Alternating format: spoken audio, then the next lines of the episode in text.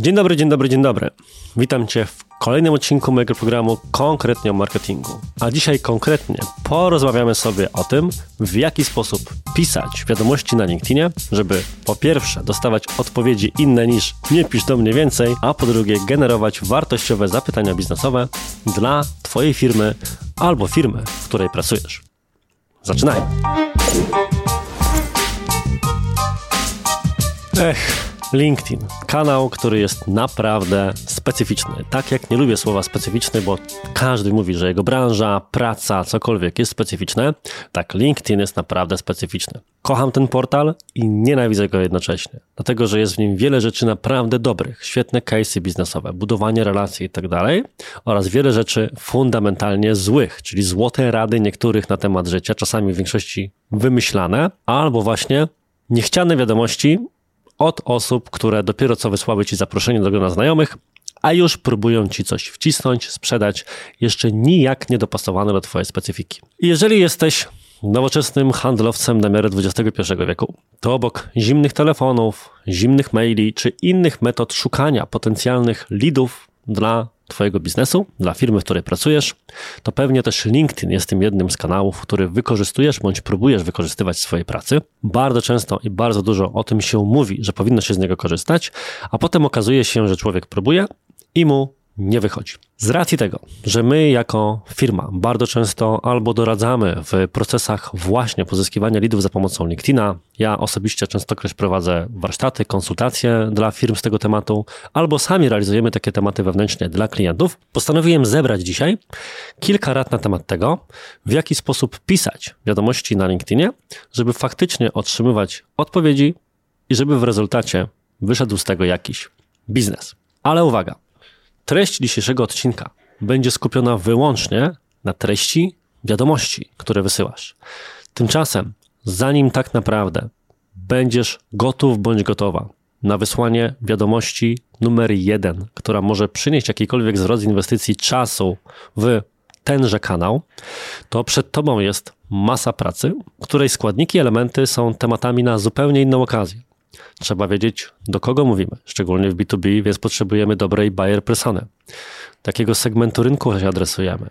Jakie mamy wartości albo przewagi konkurencyjne, o których wielokrotnie mówiłem, albo w różnych wywiadach, albo w innych materiałach na tym kanale. Bo tylko jeżeli spotka się właściwy odbiorca po drugiej stronie z właściwą ofertą, usługą, zakomunikowaną poprzez przewagę bądź wartość adekwatną dla tego odbiorcy, to tylko wtedy dobrze napisana również pod kątem stylistycznym czy metody podania wiadomość na LinkedInie ma szansę przynieść jakikolwiek efekt. Natomiast, tak jak powiedziałem, te tematy są zdecydowanie szersze i mogę o nich opowiedzieć, jeżeli będziesz chciał, daj znać w komentarzach innym razem. Dziś natomiast, zakładając, że być może ta praca już za tobą, być może wykonałeś bądź wykonała się samodzielnie, chciałbym po prostu skupić się na tym ostatnim etapie procesu, którym jest wysłanie samej wiadomości. I tu mam dla Ciebie kilka rad. I każdą z tych rad, no prawie każdą, określiłem jakimś przykładem wiadomości, w której pewne aspekty są na przykład dobre, albo pewne aspekty są złe. Będziemy więc sobie je czytali i na tej podstawie analizowali, wyciągali wnioski. Wiadomość numer jeden. Witam i dziękuję za przyjęcie zaproszenia do sieci kontaktów. Przede wszystkim gratuluję rozwoju państwa biznesu w tak niestabilnych czasach. Wiem, jak szczególnie teraz przedsiębiorcy są narażeni na m.in. wzrost cen energii. Obecnie pracuję w firmie, firmie zajmującej się dostarczaniem zielonej energii elektrycznej polskim biznesom i tak dalej, i tak dalej. I teraz tak, czy to jest dobra czy zła wiadomość? Z mojej perspektywy, abstrahując od tego, co jest w tej wiadomości oferowane, ma ona dwie wady. Po pierwsze, nie przechodzi od razu do rzeczy.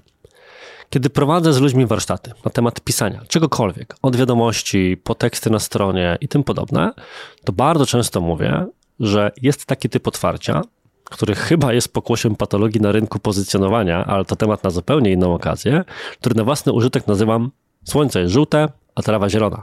Czyli takie stating the obvious, adresowanie rzeczy, które są po prostu banalne.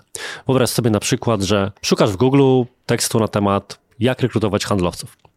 I potem znajdujesz artykuł na ten temat, wchodzisz na stronę, bo kliknąłeś taki tytuł I tekst zaczyna się wiadomością w stylu: Rekrutowanie handlowców to ważne wyzwanie dla każdej firmy, która chciałaby rosnąć. I już w tym momencie zaczynasz ziewać, bo wiesz, że prawdopodobnie ktoś po pierwsze chciał upchać słowa kluczowe na początku tekstu i stąd się to bierze, a po drugie myślisz sobie, człowieku, przejdź do rzeczy. Ja chcę, nie mam czasu, jestem pokoleniem TikToka albo człowiekiem, który robi 15 innych rzeczy naraz i chciałbym od razu zrozumieć, w czym rzecz. I o ile jeszcze w artykułach, tekstach na stronie, z uwagi na to, że jest to pewna konwencja, jesteśmy w stanie to przeboleć, o tyle w komunikacji jeden na jeden rozpoczynanie dokładnie tego typu wstępami jest po prostu bezsensowne. Stąd gratuluję rozwoju w tak niestabilnych czasach. Wiem, jak szczególnie teraz przedsiębiorcy są narażeni m.in. na wzrost cen energii. Brzmi jak wstęp empatyczny, ale on opóźnia wprowadzenie rozmowy na temat, który powinien być kluczowym tematem tej dyskusji, czyli po co do mnie piszesz, co tam dla mnie masz i dlaczego powinienem się tym w ogóle przejąć. Rada więc numer jeden. Od razu przechodź do rzeczy. Odpuść sobie przydługie, przesadnie grzecznościowe wstępy. I rada numer dwa, która się z tym wiąże. Twoje wiadomości powinny być maksymalnie krótkie. Szukając różnego rodzaju informacji na temat tego, jakiej długości powinny być, znalazłem informację, że powinniśmy celować w około 150 wyrazów, co ja osobiście i tak uważam nawet na zbyt długie. Jeżeli uważasz, że piszesz krótkie wiadomości, to spójrz na nią raz jeszcze i pomyśl, że miałby się pewnie jeszcze o połowę skrócić, bo prawdopodobnie tylko ci się wydaje, że jest ona krótka. Wielu z nas, co jest chyba pokłosiem tego, jak byliśmy uczeni w szkole, ma pewne tendencje do pisania takich właśnie grzecznych, sformalizowanych, pararozprawkowych wiadomości, a co za tym idzie wiadomości, które kiedy wyświetlamy to na przykład podczas jazdy samochodem, choć nie powinno się oczywiście, albo podczas spaceru z psem czy cokolwiek, po prostu na Messengerze, na LinkedInie wydają się niesamowicie długie albo dla kogoś będą zbyt nudne. Wiadomość musi być tak krótka, jak to jest możliwe. Skróciłeś ją? Skróć raz jeszcze. Co swoją drogą jest jedną z najczęstszych rad w kontekście redakcji czegokolwiek. Rada numer 3. Udowodnienie, że nie jest się botem i komunikowanie tego wprost. Co jest jedną z większych patologii LinkedIna?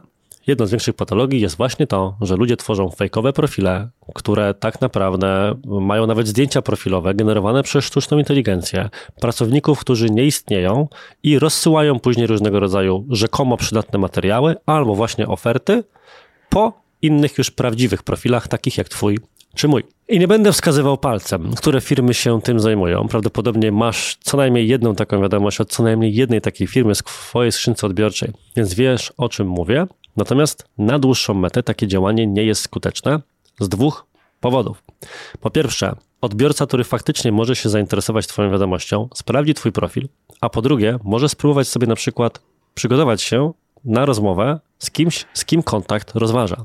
I nic trudnego w zgooglowaniu osoby, która ma profil na LinkedInie, a po której nie będzie później śladu w żadnych innych mediach, a będzie na przykład udawała właściciela bądź właścicielkę jakiejś organizacji, próbując nawiązać z tobą kontakt. Po drugie, często te wiadomości pisane przez boty bądź przez jakieś zewnętrzne narzędzia są bardzo generyczne i z góry brzmią nieprawdopodobnie, ale nie o tym, nie w tym rzecz dzisiaj. Rzecz w tym, że boty internetowe posługują się pewnymi typowo skonwencjonalizowanymi schematami najlepszej wiadomości. Dzień dobry, mam nadzieję, że wszystko u Pana w porządku. Piszę do Pana w tej i w tej sprawie, ponieważ mam do zaoferowania taką, taką usługę, która być może odpowiada na potrzebę, która zrodziła się u Państwa w organizacji. Znasz ten styl tworzenia wiadomości, prawda? Paradoks polega na tym, że możesz pisać dokładnie taką wiadomość i być prawdziwym człowiekiem, ale ktoś zobaczy wstęp brzmiący właśnie jak tak zwane best practices z internetu i stwierdzi, aha, Kolejny bot. To nawet nie będę odpowiadał. Stąd, co możesz zrobić, co sugeruję ci zrobić? Rozwiązanie numer jeden. Wysyłasz taką wiadomość. Jeżeli nie ma na nią odpowiedzi, to po jakimś czasie, na przykład po dwóch, trzech dniach, przypominasz się i mówisz: Hej, hej, witam ponownie. Ja nie jestem botem. Naprawdę, odezwij się, sprawdź mnie. W jakikolwiek inny sposób dajesz o sobie znać, że jesteś żywym człowiekiem czekającym na kontakt po drugiej stronie. Ewentualnie od razu w pierwszej wiadomości dokładnie to adresujesz pisząc coś w stylu, wiem, że pewnie większość wiadomości, które pan otrzymuje, tworzą boty, ale ja jestem prawdziwym handlowcem tutaj i z chęcią z panem porozmawiam i zaraz udowodnię, że botem nie jestem. Coś takiego wiąże się z pewnym trikiem, który ja często używam w marketingu w ogóle, czyli obśmianiem konwencji. Obśmianie konwencji jest jedną z najpotężniejszych broni, takie w arsenale komunikacyjnym marketera bądź handlowca, bo polega na tym, żeby wskazać pewną absurdalność niektórych sytuacji. Czyli na przykład właśnie to, że no, LinkedIn jest tym miejscem, w którym wszyscy wysyłają sobie wiadomości, większość jest sztuczna i nieprawdziwa, więc ja, to, ja tobie wskażę palcem, że zdaję sobie sprawę z tego, że tak jest i że tak to pewnie odbierzesz. I to jest pewna płaszczyzna, nić porozumienia między nami, dzięki czemu osoba po drugiej stronie mówi, aha, ten człowiek wie o co chodzi, wie, że dokładnie tak się w tej sytuacji czuje, dobra, odpiszę mu. Oczywiście nie mówię, że ma to stuprocentową skuteczność, ale nasze wewnętrzne testy pokazują, że tak pisane wiadomości działają częściej niż inne. I coś, co wiąże się z best z internetu, to jest wątek numer cztery i jest to wątek personalizacji. Każda rada na temat pisania wiadomości na LinkedInie, ale również na przykład cold maili, przygotowywana dla handlowców przez różnego rodzaju szkoleniowców, mówi o tym, że powinniśmy personalizować wiadomość. Ja się z tym po części zgadzam, Natomiast kluczowe jest to, jak rozumiemy personalizację. Ponieważ większość ponownie best practices z internetu mówi coś w stylu wejdź na profil tej osoby, zgooglej jakieś informacje o niej i później nawiąż w pierwszej wiadomości, czy pierwszej linijce wiadomości do tego, że ostatnio zamieścił pan, pani taki interesujący post na temat ten i tamten. Albo, że widziałem na państwa stronie internetowej w aktualnościach, że był pan tu i tam. Z tym są dwa problemy. Problem numer jeden, zdecydowanie częstszy jest taki, że ktoś na przykład pisze do mnie: Wiedziałem, że ostatnio napisał pan bardzo ciekawe przemyślenia na temat prowadzenia biznesu w Polsce.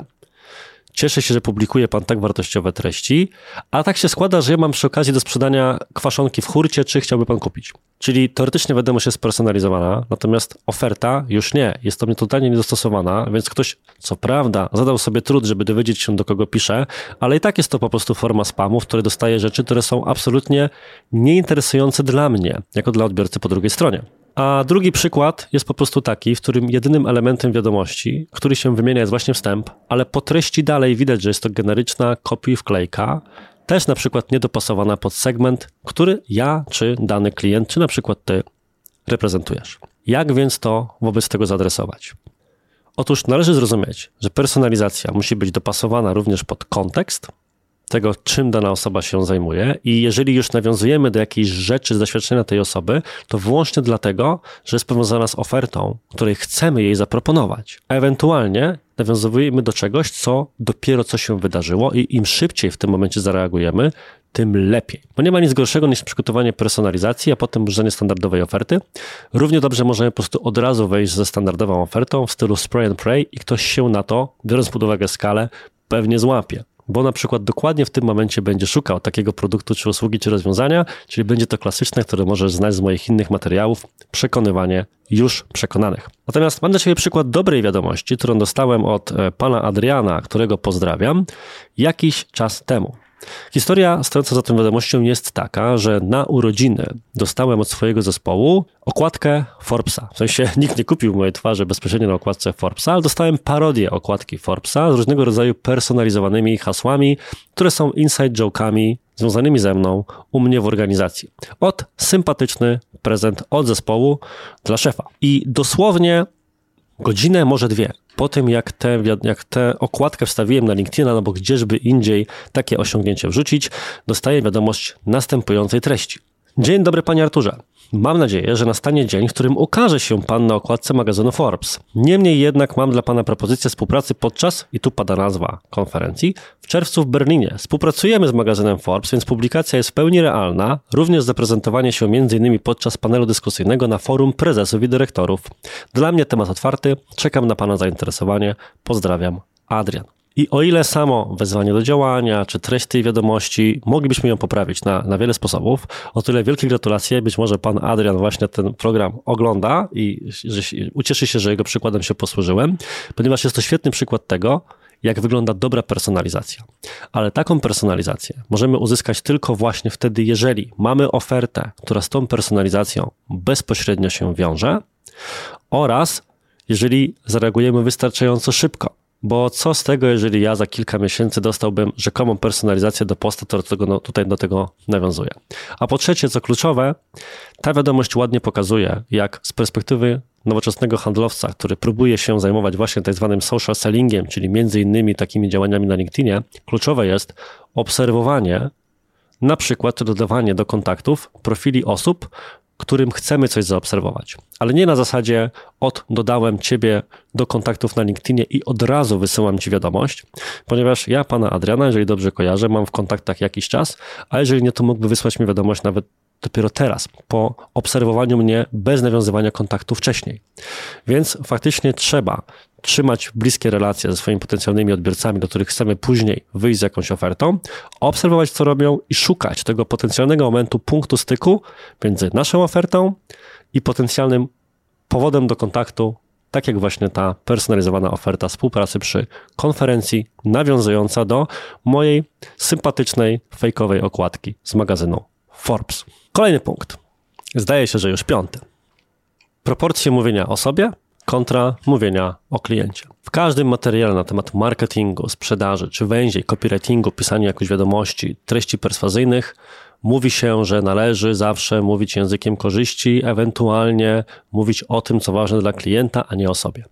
I to jest ten typ rady, czy ten typ informacji bądź wiedzy, którą rzekomo wszyscy mają, Wszyscy w to wierzą i każdy zapytany powie, że tak należy robić, a potem okazuje się, że niekoniecznie się do tego stosują.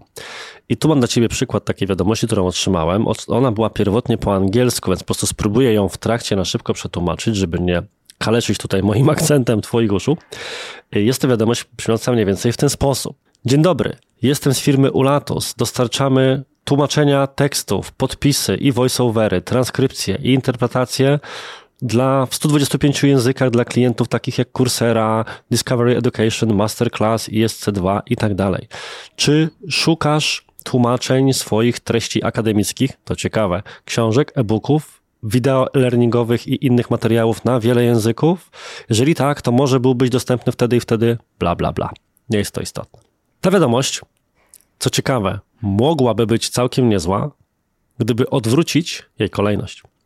Bo zamiast wychodzić z założenia dzień dobry, jestem z firmy takiej i takiej, oferujemy to i to, a następnie pytać, czy szukasz tego i tego, wystarczyłoby zamienić te akapity kolejnością i na początek zadać pytanie typu, czy szukasz tego i tego, czy interesuje Cię to i to? Bo jeżeli tak, to ja jestem z firmy, która to i to dostarcza. I to jest to, co często mówię e, handlowcom, kiedy z nimi rozmawiam i zawsze wywołuję salwę śmiechu, czyli że Mango TV jest lepsze od Was. I oni się wtedy śmieją, że jak to? Mówię, a z bardzo prostego powodu, ponieważ większość materiałów Mango TV zaczyna się zawsze na dwa sposoby. Albo od pytania, które adresuje grupę docelową i pozwala stwierdzić, tak, to dla mnie, to dla osób takich jak ja, albo osób takich, jakimi chciałbym być, albo od adresowania problemu.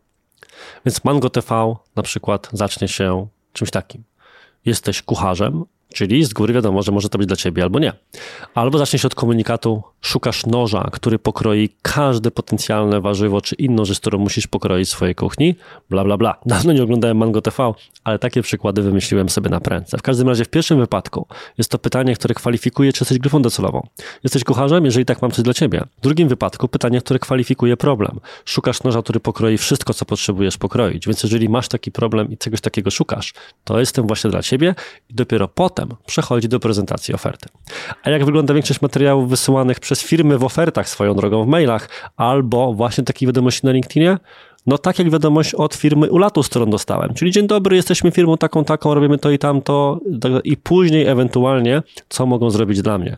Więc ani nie jest to personalizowane, ani nie jest dopasowane do mnie, bo dałoby się przyciąć te elementy w ofercie właśnie po to, żebym ja poczuł, że ktoś przemyślał, komu to wysyła, a nie wysyła mi ofertę tłumaczenia książek akademickich, bo takich jeszcze nie wydałem, natomiast e-booki już owszem, więc to mogłoby mnie zainteresować, plus szereg innych błędów w tejże wiadomości. Więc jaki z tego morał dla nas? Po pierwsze, nauczmy się od Mango TV, że rozpoczyna się albo od kwalifikowania grupy, albo od kwalifikowania problemu. A druga sprawa, trzymajmy się, uwaga, proporcji 5 do 1. Może znasz i też czytałeś e, różnego rodzaju badania na temat relacji z ludźmi w związkach. I to było takie zabawne badanie dotyczące tego, że na jeden komunikat negatywny powinno przypadać 5 pozytywnych, bo wtedy utrzymamy dalej dobre relacje z pracownikami, osobami w pracy, a przede wszystkim ze swoimi drugimi połówkami. I można byłoby powiedzieć, szukając właśnie drugiej złotej rady, oprócz zaczynaj od problemu bądź grupy docelowej, że w kontekście wiadomości na LinkedInie, jeżeli nie jesteś pewien, czy mówisz wystarczająco często o perspektywie klienta w stosunku do tego, ile mówisz o własnej firmie, to spójrz na swoją wiadomość i zobacz, czy spełnia to kryterium 5 do 1. czy pięć razy częściej mówisz o tym, co to daje klientowi, w stosunku do tego, jak często mówisz po prostu o sobie. I kolejny punkt. Nie próbuj od razu skonwertować na demo lub rozmowę. Inna wiadomość, którą dostałem. Swoją drogą, zaczyna się i pojawiła się w kontekście, kiedy poruszałem wątek podwyżek inflacyjnych, które robiliśmy u nas w zespole, więc zaczyna się od bardzo dobrej personalizacji.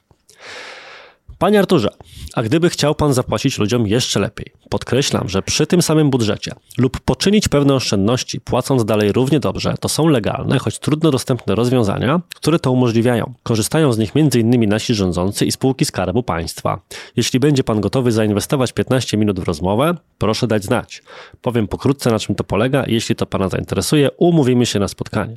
A jeśli nie, przynajmniej będzie Pan wiedział, w jaki sposób wybrańcy podnoszą swoje wynagrodzenie bez wzrostu kosztów. Sama wiadomość bardzo mi się podoba, szczególnie właśnie z uwagi na kontekst i szybkość reakcji. Dostałem ją krótko po tym, gdy napisałem faktycznie o podwyżkach w swojej firmie. Tego, że zaczyna się konkretnie właśnie od tej personalizacji, czyli ktoś nie, nie pisze do mnie, dzień dobry, bardzo ważne są płace wszyscy o tym wiemy i właśnie dlatego w nawiązaniu do pańskiego postu bla bla bla, tylko od razu jest to wiadomość, która niemalże wygląda jak komentarz na LinkedInie i mogłaby nim być. Natomiast jest jeden element, który niekoniecznie w niej się powinien znaleźć, czyli moja gotowość do zainwestowania 15 minut w rozmowę.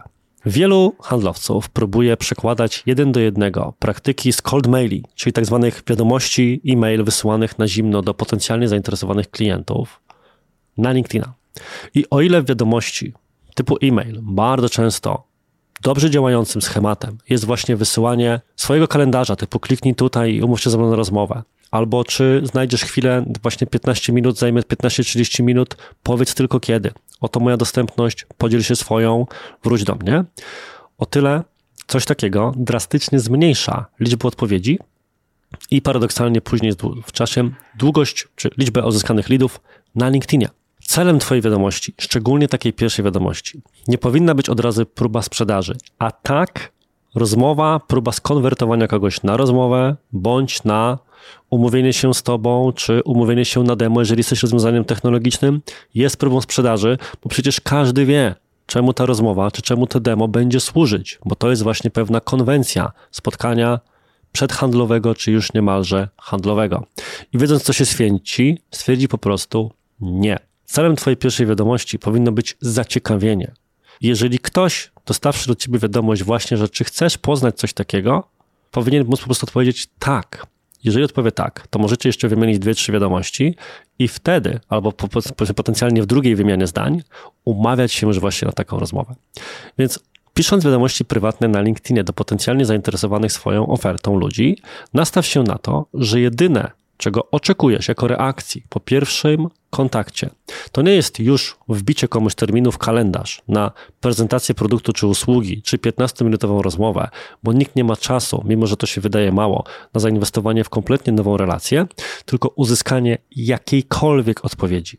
Jakiejkolwiek. Nawet OK, powiedz coś więcej, napisz do mnie. Tak, jestem gotów porozmawiać i później jak już się okaże, że rozmawiacie, faktycznie rozmawiacie na tej skrzynce LinkedInowej, wtedy możecie się już faktycznie umawiać na konkretny termin spotkania, czy dowolną inną formę poznania potrzeb, czy prezentowania oferty, jaką w swojej firmie oferujesz, proponujesz, jakkolwiek bądź. Kolejny aspekt, który się z tym wiąże, nie poddawaj się. Follow-upuj do bólu. I znów, większość wiadomości, które wyślesz, i to zarówno będą te wiadomości, które wysyłasz e-mailem, jak i te, które wysyłasz po prostu na LinkedInie, przejdzie bez echa. Ale nie dlatego, że ktoś jest niezainteresowany Twoją ofertą. Być może szybko odhaczył ją po prostu w biegu na LinkedInie, tak jak często odhaczamy wiadomości na Messengerze i potem zapominamy odpowiedzieć osobom potencjalnie zainteresowanym, czy osobom, z którymi prowadziliśmy jakąś konwersację. Więc nie zakładaj z góry, że brak odpowiedzi oznacza brak zainteresowania ofertą. Może po prostu ktoś zapomniał ci odpisać. Może jeszcze nie znalazł na to czasu. Dlatego świat wymyślił follow-upy, czyli kolejne wiadomości, których możesz wysłać. I teraz uwaga. Ja bardzo często szukam różnego rodzaju badań, które mówiłyby, ile, jakie rzeczy powinno się robić. Większość materiałów dostępnych na rynku mówi o tym, że follow-upy powinny być trzy. I czy, że wiadomości łączne powinny być trzy, więc follow-upy de facto dwa. Więc po dwóch follow-upach, jeżeli ktoś ci nie odpisał, to możesz kogoś takiego ze swojej bazy wykreślić. Tymczasem, Jest takie narzędzie, którego bardzo często używa się na przykład do wysyłania właśnie tzw. Tak zimnych wiadomości, czyli cold maili. Jest to Woodpecker. Woodpecker, jedno z bardziej popularnych globalnie narzędzi tego typu, przeprowadził wewnętrzne badanie, mając dostęp jakby nie było do wiadomości wysyłanych przez swoich, swoich klientów i ustalił, co następuje. Większość ludzi odpuszcza właśnie po dwóch, trzech follow-upów, natomiast współczynnik odpowiedzi rośnie dramatycznie, jeżeli jest ich więcej niż trzy, uwaga, w sytuacji, w której jest ich 5 do 7. Pewnie jest tak, że część tych wiadomości, które padają po szóstym follow-upie, to właśnie hej, nie pisz do mnie. Hmm, ale przynajmniej mamy wtedy na 100% jasną sytuację, a nie jesteśmy tacy trochę zawieszeni w limbo. Jesteśmy lidem Schrödingera. lidem i nie lidem jednocześnie. Jeżeli coś mógłbym Ci sugerować, bo takie nasze wewnętrzne działania również to potwierdzają, to follow-upuj częściej. Dołóż sobie chociaż jeszcze jedną wiadomość, daj temu podejściu szansę.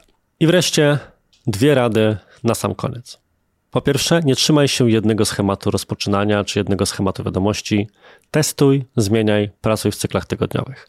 My w mojej firmie robimy to w ten sposób, albo kiedy pracujemy w ramach konsultacji z firmami, którym doradzamy, jak to zrobić, że za każdym razem przygotowujemy pewne schematy, których trzymamy się przez na przykład dwa tygodnie albo przez tydzień, zakładając do tego, do jak dużej liczby potencjalnych odbiorców będziemy tę wiadomość wysyłali. Mówimy tutaj o setkach wiadomości, które się przeważnie wysyła, albo o dziesiątkach.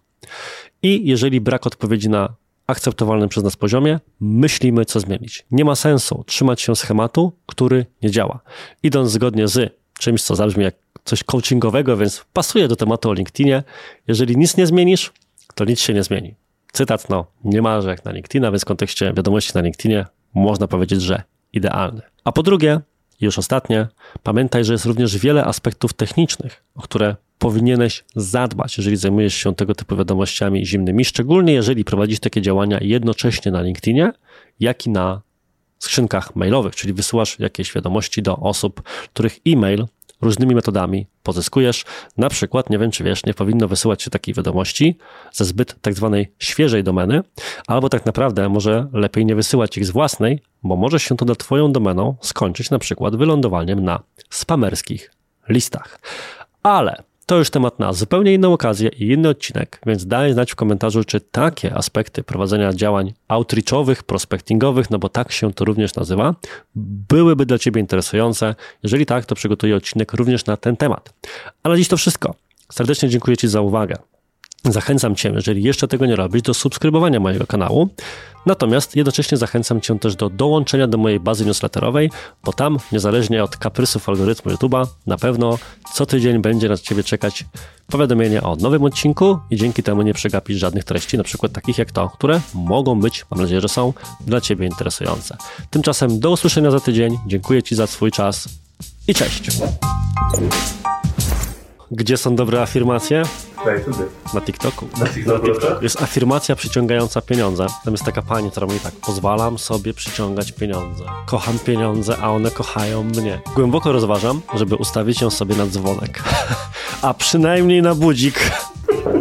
No nie, budzik byłby na pewno skuteczny. Kocham pieniądze. No już, już, już, wstaję. Już, więc wsta wstaję